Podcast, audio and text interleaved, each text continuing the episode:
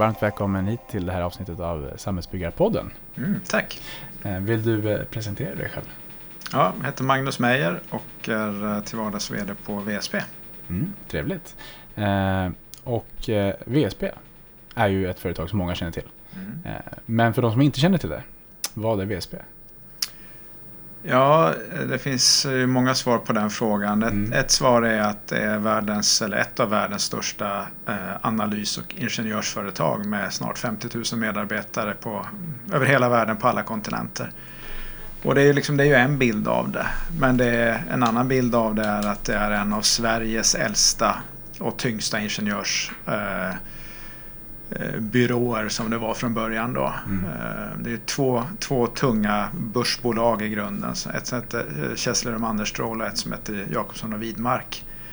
Som sen 2001 eh, blev en del i VSP. Då. Mm. Men båda de här bolagen har ju sin grund i, på 30-talet i Sverige. Så man har, liksom ur ett svenskt perspektiv har vi varit en, en tung aktör ja, ända sedan 30-talet. Då. Mm. Det är ju en, en, en häftig resa mm. eh, från 30-talet till att bli ett av världens största. Mm. Verkligen. Eh, men om, jag, om man backar bandet lite grann då för din del. Eh, mm. hur kommer det sig att du sitter på den stolen idag?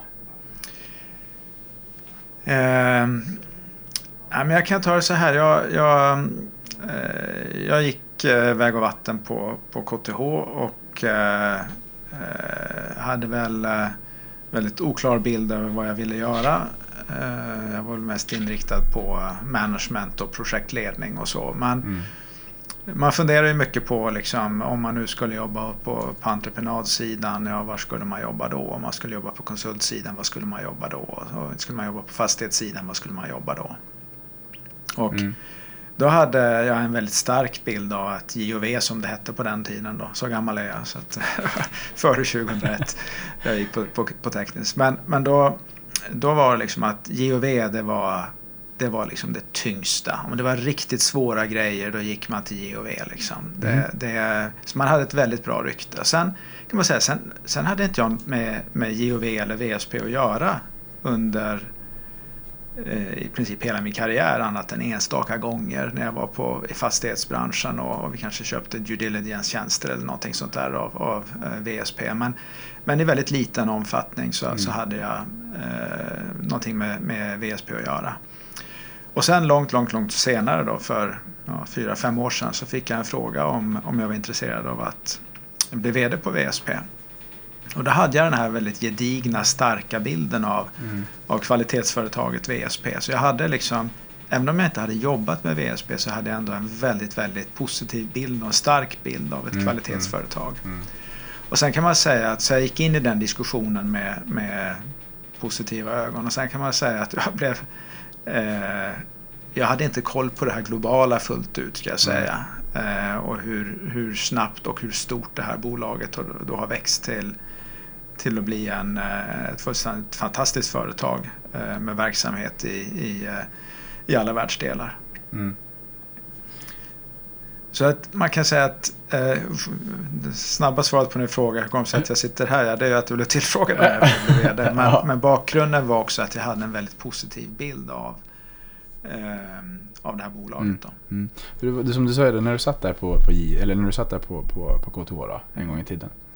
Eh, vad, blev, vad blev svaret sen då? Du, du, du funderade på om du skulle på entreprenadsidan eller konsultsidan? Eller på det blev faktiskt något helt annat. Ja. Eh, jag jag hade lite tur då för att jag gick ut mitt eh, strax innan eh, totala kollapsen 92. Jag gick ut 1991. Mm. Så att eh, jag lyckades få jobb eh, och hade faktiskt flera, flera jobberbjudanden. Medan bara ett halvår senare så var det liksom härdsmälta och tvärstopp mm. och, och, mm. folk fick, fick, inte jobb. Vilket studenter idag har svårt kanske att föreställa sig. Men det var, det var verkligen tvärstopp. Mm. Under ett par år så anställde man i princip inga alls. Men jag hade tur att få, få flera jobberbjudanden och jag valde ett litet eh, teknikutvecklingsbolag eller en managementkonsultbolag kan man säga som jobbade i första hand mot byggsektorn. Då, med teknikutveckling och organisationsutveckling. Mm. Eh, ett bolag som inte finns längre men som då eh, egentligen var en, ett, ett avknoppningsföretag från, från KTH. Eh, så det var mycket liksom, forskarstuk i, eh, i det. Att man hade liksom, många var doktorer och hade utvecklat hittat eh, metoder för, för hur man skulle kunna ja, i, i de här två benen då. Det ena organisationsutveckling och det andra teknikutveckling. Så jag jobbade på det här bolaget ett, eh, ett antal år innan jag fick möjligheten att dra iväg till USA och jobba då. Så att mm. det var en... Ja, men det där är ju intressant. Det fortsätter vi på tänkte säga. Först och främst, varför blev det det här lilla bolaget? Nej, men det, det som lockade mig det var att de, de sa ungefär så här att eh, du kom in här, du ska vara konsult eh, och du måste dra in pengar men i övrigt får du göra ungefär vad du vill. ja. Eh, men försök att hålla lite tekniskt höjd i det och, och, man jobbade mycket med ganska avancerad eh, teknikutveckling så att det, var, det, där med höjden var egentligen inget problem. Mm. Man hade en bra höjd i bolaget och kom man in som ny så hade man liksom man hamnade på rätt nivå då därför att det var där bolaget befann sig. Men jag gillade den här väldigt öppna approachen med eh, kom in, eh, ta för dig, gör det du vill. Vi supportar dig på alla sätt vi kan men det är mm. ditt mm, ansvar. Mm. Eh, vi är ett konsult, litet konsultbolag så vi måste dra in pengar så att det är upp till dig att jaga in uh, finansiering för dina projekt och sådär. Ja, ja. Och jag gillade den där öppna friheten och, ja. och, så det var mycket därför jag tog det. Mm. Intressant. Eh, och sen så bar du iväg, bar du iväg till USA. Ja, jag fick möjlighet då, för på den tiden så fanns det något som hette eh, eh, tekniska attachéer och, och då hade man ett program där man anställde på ettårskontrakt unga ingenjörer som hade några års eh, arbetslivserfarenhet inom mm. en massa olika sektorer, inte mm. bara inom bygg och fastighetssektorn. Då. Utan det var telekom och det var verkstadsindustri och det var energi och allt möjligt. Då. Och eh, jag fick då eh, möjlighet att eh, åka iväg till Los Angeles och vara sån här byggattaché ett antal mm. år. Jag började som byggattaché och sen av olika eh, skäl då så ehm, eh, den tekniska attachén som eh, då var chef för kontoret där. Han, eh, han skulle åka hem till Sverige för att bli VD och då mm. behövde man utse en ny teknisk attaché och inte bara assistenter till den tekniska mm. attachén. Då. Så att då fick jag fråga om, eh, om att bli chef för kontoret och det gjorde att jag stannade några år till där då i mm, USA. Mm. Annars var det ju tänkt att det skulle vara ett ettårskontrakt men jag blev kvar i tre år. Då. Tre år, ja. Mm. Vilken grej. Man pratar ganska mycket om det i vet jag själv när man pluggade att, att det här vikten av att våga utomlands mm. och framförallt under studieperioden. Är det något som du rekommenderar? Ja, absolut. På, när jag gick på tekniskt då var det ganska ovanligt att man åkte utomlands under studieperioden. Det var ju mm. enstaka som gjorde det. Och alla de här programmen och samarbeten som finns nu, de fanns inte då. Mm. Så KTH mm. kunde inte heller hjälpa till speciellt mycket för det var inte så vanligt. Och det fanns inga upparbetade eh, program. Eller det mm. började komma så smått. Mm. Nu finns det ju helt andra möjligheter. Verkligen. Och jag tycker absolut att man ska åtminstone fundera över att dra iväg. För att, att eh, att åka på semester är en sak men att verka och vara borta en längre tid att plugga eller ännu hellre jobba tror jag. Så det, det är verkligen utvecklande. Man ser helt andra saker än, mm. än mm. mm. när man eh, luffar runt så att säga eller på semester. Mm. Så att det kan jag absolut rekommendera. Och är det någonting som ni tittar på ni, på era verksamhet i VSP? Jag tänker, ni finns ju verkligen överallt i världen. VSP har ju flera eh, program för det här. Mm. Eh, några av dem är ju ganska kända. Eh, vi har ett program där vi tar in ett fåtal personer då i VSP Sverige varje år och eh, som vi kallar det internationella introduktionsprogrammet. Och det mm. bygger på att vi kanske plockar in 10-12 personer per år med den specifika eh, syftet att man efter en kort tid på hemmakontoret skickas ut i världen. Och då kanske man eh, har sin första period i Singapore eller New York eller någonstans i Europa eller var som helst då mm. i VSP-miljön. Men man måste ha en liten tid på hemmaplan så att man blir lite varm i kläderna innan mm. man kommer ut. Då. Mm. Så att, men hela programmet bygger på att man dels får strategiska uppgifter att lösa. Så att det är ganska high-end det här. Det är, eh, det, vi brukar ha kanske 300 sökande för de här 10 platserna. Ja, det, ja. Eh, så att det är, det är en eh, tuff konkurrens om de där platserna. Mm. Men sen har vi många andra sådana här utbytesprogram när man väl är anställd på VSP. Eh, både för yngre och för mer erfarna. Då. Så vi jobbar hårt just att vi är ju det enda globala eh, företaget i vår bransch i Sverige. Mm. Vi har ju andra stora, duktiga, bra företag så, men, men det är ju ingen annan som är global. Nej. Och det gör att vi eh, försöker nyttja det ganska mycket i, i att få en hävstång både som företag och för våra medarbetare och i förlängningen även då för våra kunder som ju får Mm. nytta av att vi får eh, bredare kompetens och mer kompetens än vad, vad man eh, skulle få om man bara var nationell så att säga. Mm. Och hur, jag tänker för dig och i ditt jobb, eh, hur involverade du är liksom i, i utvecklingen av sådana här program? Och snarare vad... Ganska mycket av, av, av flera skäl. Dels är jag ju Europachef för VSB så att jag har ju ansvar för 12 länder och, Mm. och fler blir där. Nu är vi, vi är på väg att slutföra ett förvärv eh, av ett bolag som heter Louis Berger som är ett amerikanskt bolag med ungefär 5000 anställda men som Mm. också har verksamhet i, i flera europeiska länder som gör att eh, vi nu etablerar oss i Spanien till exempel där vi Mm. inte har funnits tidigare och så. så att, eh, och det gör att jag har ett egenintresse i att se till att eh, jag får maximal effekt på, på de här olika verksamheterna som, som jag ansvarar för. Eh, och avstånden i Europa är korta eh, och ur ett VSB Sverige-perspektiv där vi ju är otroligt starka. Vi är ju 4 500 bara i Sverige. Mm. Eh, vi är en riktig sån här powerhouse kompetensmässigt i VSB-koncernen. Och det vill jag nyttja då naturligtvis för att få hävstång på det eh, runt om i, i första hand i Europa men även i andra delar av världen. Mm, mm, Så vi håller på med, eh, kanske inte i första hand liksom är, är kopplat till en, en nyexad men vi har ju flera sådana expertiser där vi är världsledande eh, som finns i den svenska verksamheten mm, eh, kring eh, trängselskattesystem, kring eh, eh, olika typer av, av eh, sensor och, och mätmetoder. Sånt, Mm. sånt som vi har utvecklat i Sverige under lång period och Mm. sånt som vi kan sälja över hela världen. mm.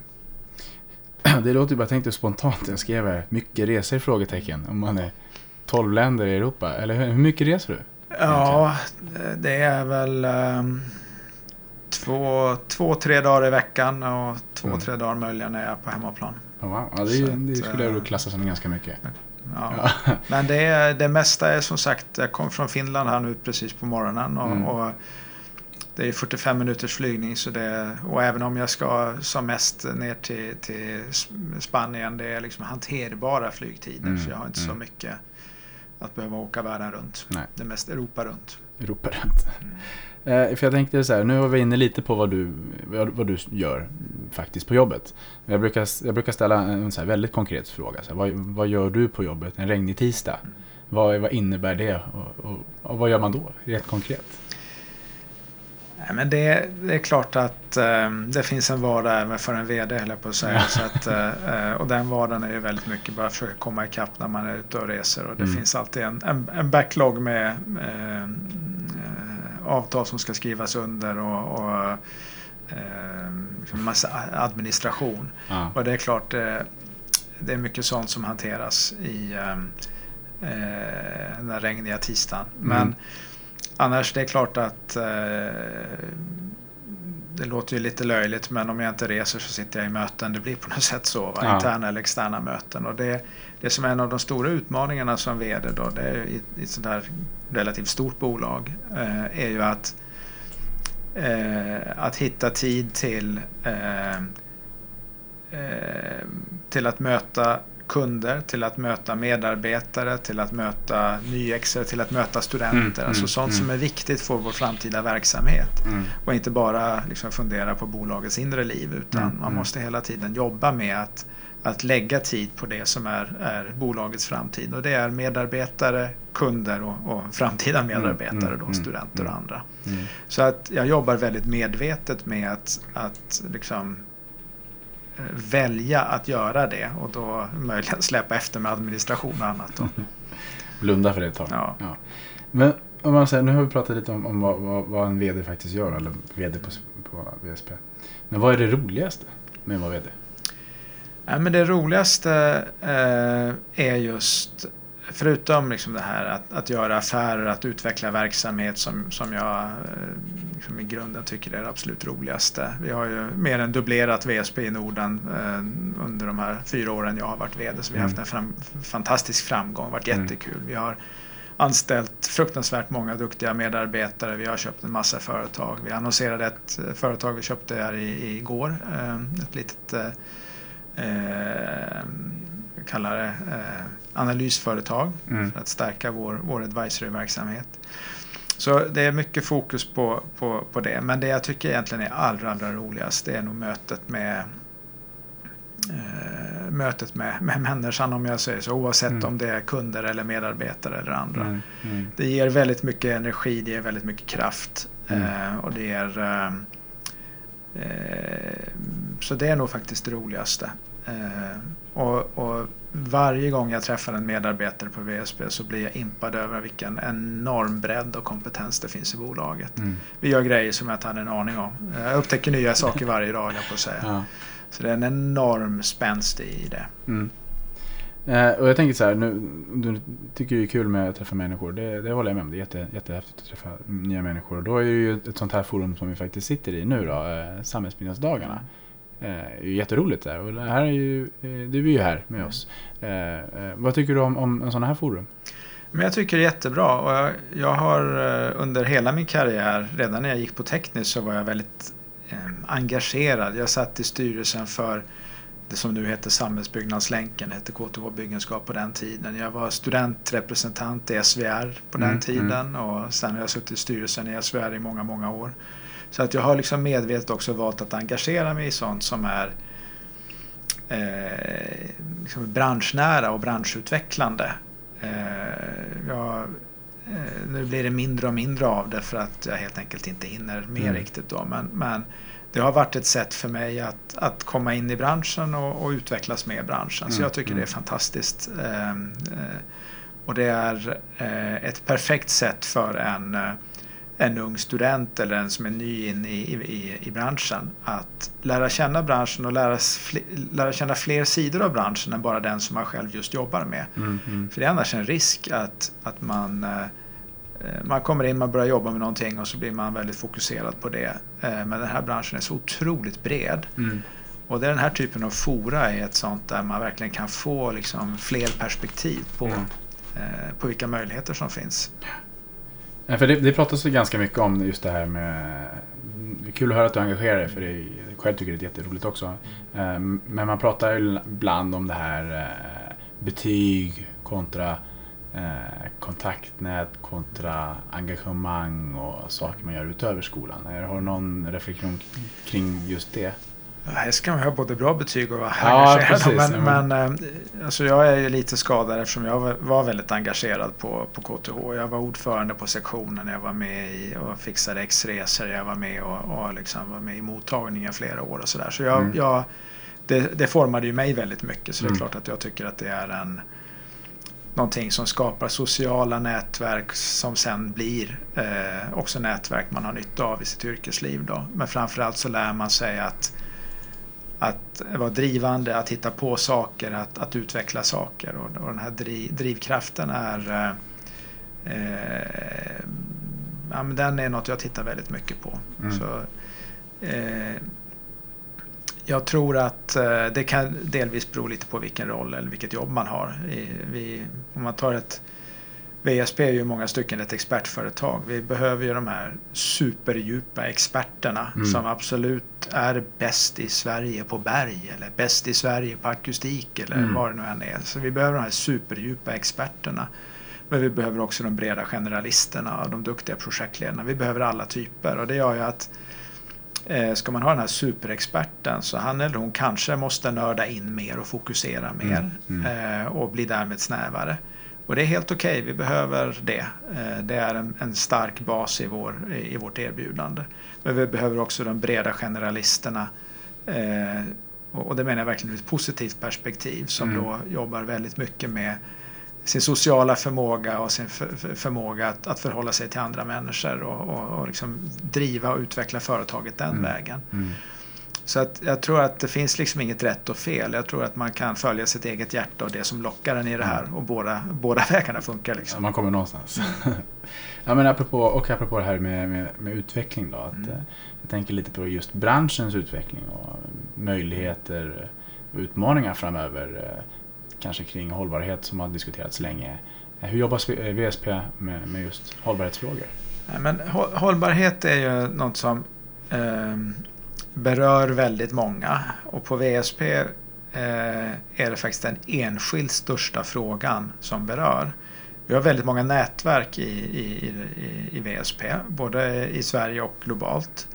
Och en, ehm, det finns massor av nätverk. En del är väldigt tekniska, andra är mer marknadsorienterade. Mm, mm. Men det enskilt största och starkaste nätverket, det är det som vi kallar hållbarhetsnätverket. Mm. Där våra medarbetare på egen tid engagerar sig i eh, hållbarhetsfrågor. Eh, så att det är utöver det arbete man gör. Och bolaget ställer upp med ja, lokaler och lunchmacka och sånt där. Va? Men det, är, det, och det här drivs inte på företagets mandat eller, eller liksom, eh, direktiv. Mm. Det är inte vi som säger vad de ska göra utan det här är ungefär 800 personer i Sverige, 900 kanske nu, som på egen tid jobbar för att man brinn, har ett brinnande intresse för Mm. hållbarhetsfrågor. Mm. Så att det är, det är den enskilt starkaste drivkraften skulle jag säga. Eh, av många. det finns Ja. många drivkrafter. Andra Ja. som brinner för digitalisering, andra som brinner för geoteknik eller vad som helst. Ja. Men, men just den enskilt eh, starkaste skulle jag säga är hållbarhetsnätverket. Spännande. Ser du några, eh, nu, är det kanske inte är nödvändigtvis en utmaning, men, men andra utmaningar för branschens överlevnad och utveckling? Ja, lite om det jag ska prata om här idag då, om, en, Mm. om en stund på, på Samhällsbyggnadsdagarna. Det är ju liksom eh, det vi, vi jobbar väldigt mycket med ett begrepp som vi kallar Future Ready, att framtidssäkra våra städer och samhällen och, och landsbygd för den delen. Vilket har sina utmaningar. Eh, eh, städerna är eh, under väldig press egentligen i, i hela världen därför att urbaniseringen är stark, tillväxten är stark, det flyttar in mycket människor eh, och människor av olika, med olika bakgrund, olika karaktär och olika för, förutsättningar. Mm. Mm. Eh, Så att det finns liksom dels eh, sociala eh, utmaningar i det och så finns det rena fysiska utmaningar med eh, brist på bostäder, krackelerande infrastruktur. Och eh, mitt i allt det här så har vi då en, en, ett driv mot eh, eh, mer hållbarhet. Eh, och, och så har vi den här stora liksom, frågan kring digitalisering och teknikutveckling och, och hur, det, eh, hur smartare teknik kan göra framtidens samhällen Mm. ännu bättre. Hur vi kan nyttja tekniken bättre för att få mer hållbara Mm. samhällen och Mm. mer framtidssäkra samhällen.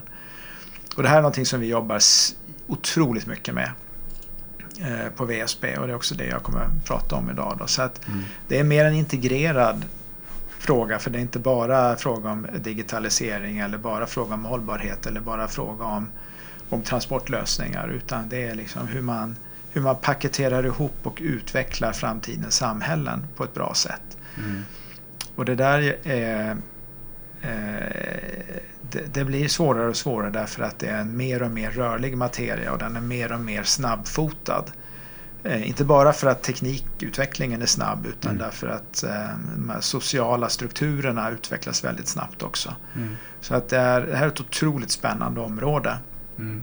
där vi behöver jobba med ingenjörskompetenserna, samhällsvetarkompetenserna, eh, ekonomer eh, eh, och, och liksom det här väldigt här, holistiska perspektivet på Mm. stadsutveckling. Så, så hur, hur, eh, det är jättehäftigt och jättespännande att tänka sig det här framtida samhället. Liksom. Men hur ser det framtida samhället ut? Har vi smarta lyftkranar och eh, allt möjligt? Och, Ja, eh, alltså om man ska bortse en stund ifrån att titta på mer sådana här liksom visionära tankar och Ja. idéer och bara liksom eh, eh, drönare som flyger runt med prylar överallt och Ja. sådär. Va? Vilket eh, i en bisats är liksom hur organiserar man en stad efter att det faktiskt ska finnas drönare i större omfattning?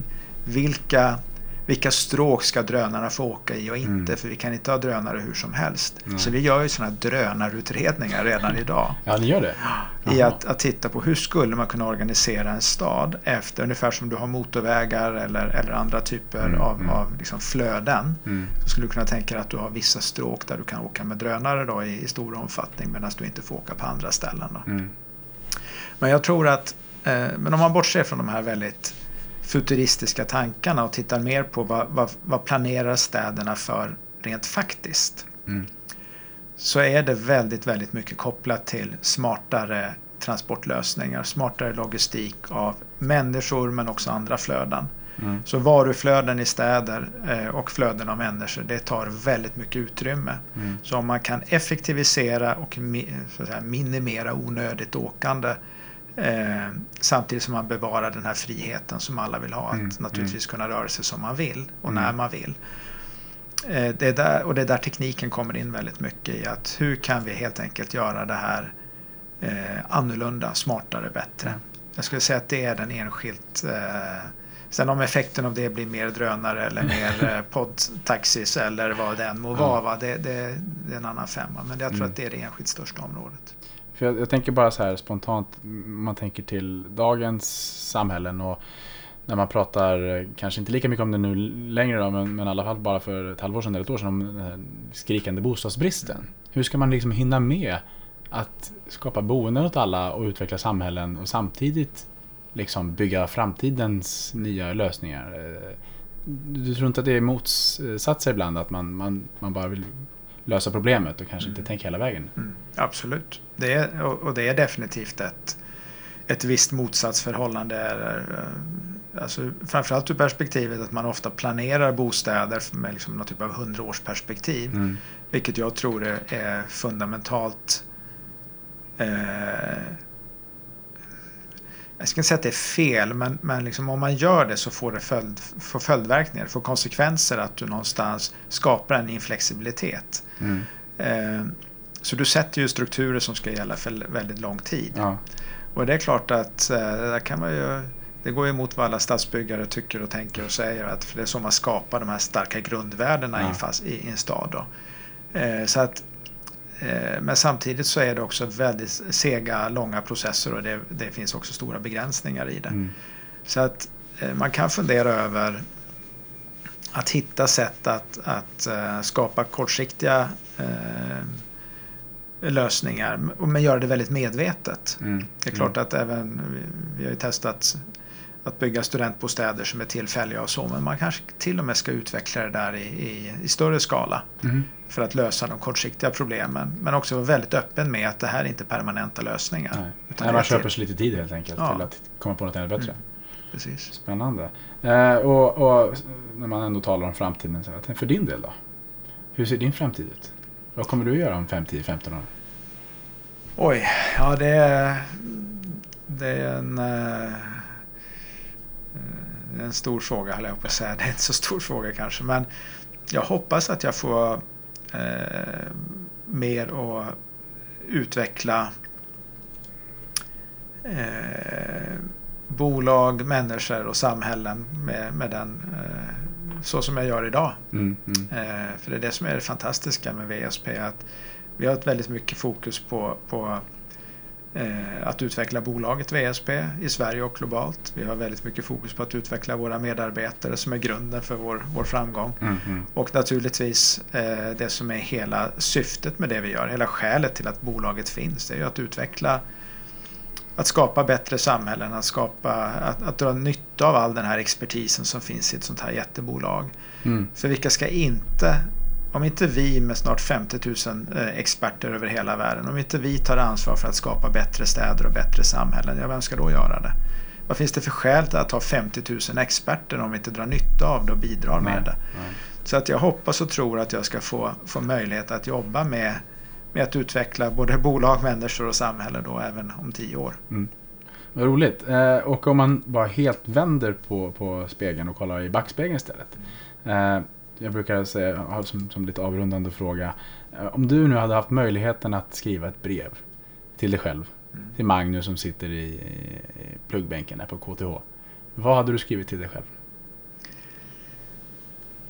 men jag, jag fick ett... Eh, eh, när, jag, när jag var ordförande så fick jag ett väldigt bra råd av eh, en kille som jag hade lite som mentor. Mm, mm. NCCs dåvarande koncernchef, Torsten Eriksson. Och då, då fick, gav han mig ett råd och det låter väldigt banalt. Mm. Men det, det har jag faktiskt försökt leva efter. Mm, Eh, mm. och det är han sa. Ta hand om dig själv, ta hand om din familj och ta chansen när den kommer. Så jump on it, hoppa på det. När det kommer Ja. någonting, hoppa på det. Var inte feg, våga hoppa på nya grejer. Mm. Åk till USA eller gör någonting annat. Liksom. Mm, Ta mm. chansen när det kommer. Mm. Eh, men ta alltid hand om dig själv. För om du inte tar hand om dig själv så orkar du inte ta hand om andra. Nej. Och ta hand om din familj för de har du alltid även om, om jobbet försvinner Ja, så att säga. ja. Så att, det är väldigt enkla livsregler men jag har försökt eh, leva efter dem. Och, och, eh, så jag skulle nog ge mig själv det rådet. Ta hand om dig själv, ta hand om din familj och ta chansen. Ta chansen. Jätte, jag tror att de där, de där är nog värda att repetera, tycker jag. Det är fantastiskt. Och med de orden så, så vill jag tacka dig så hemskt mycket för att du tog dig tid nu och kom Ja, hit och, och, och träffa mig och prata lite. Eh, och eh, önskar lycka till med framförallt eh, ditt framförande men också eh, utvecklingen av VSP. Ja, Tack. tack ska du ha. Tack. tack hej.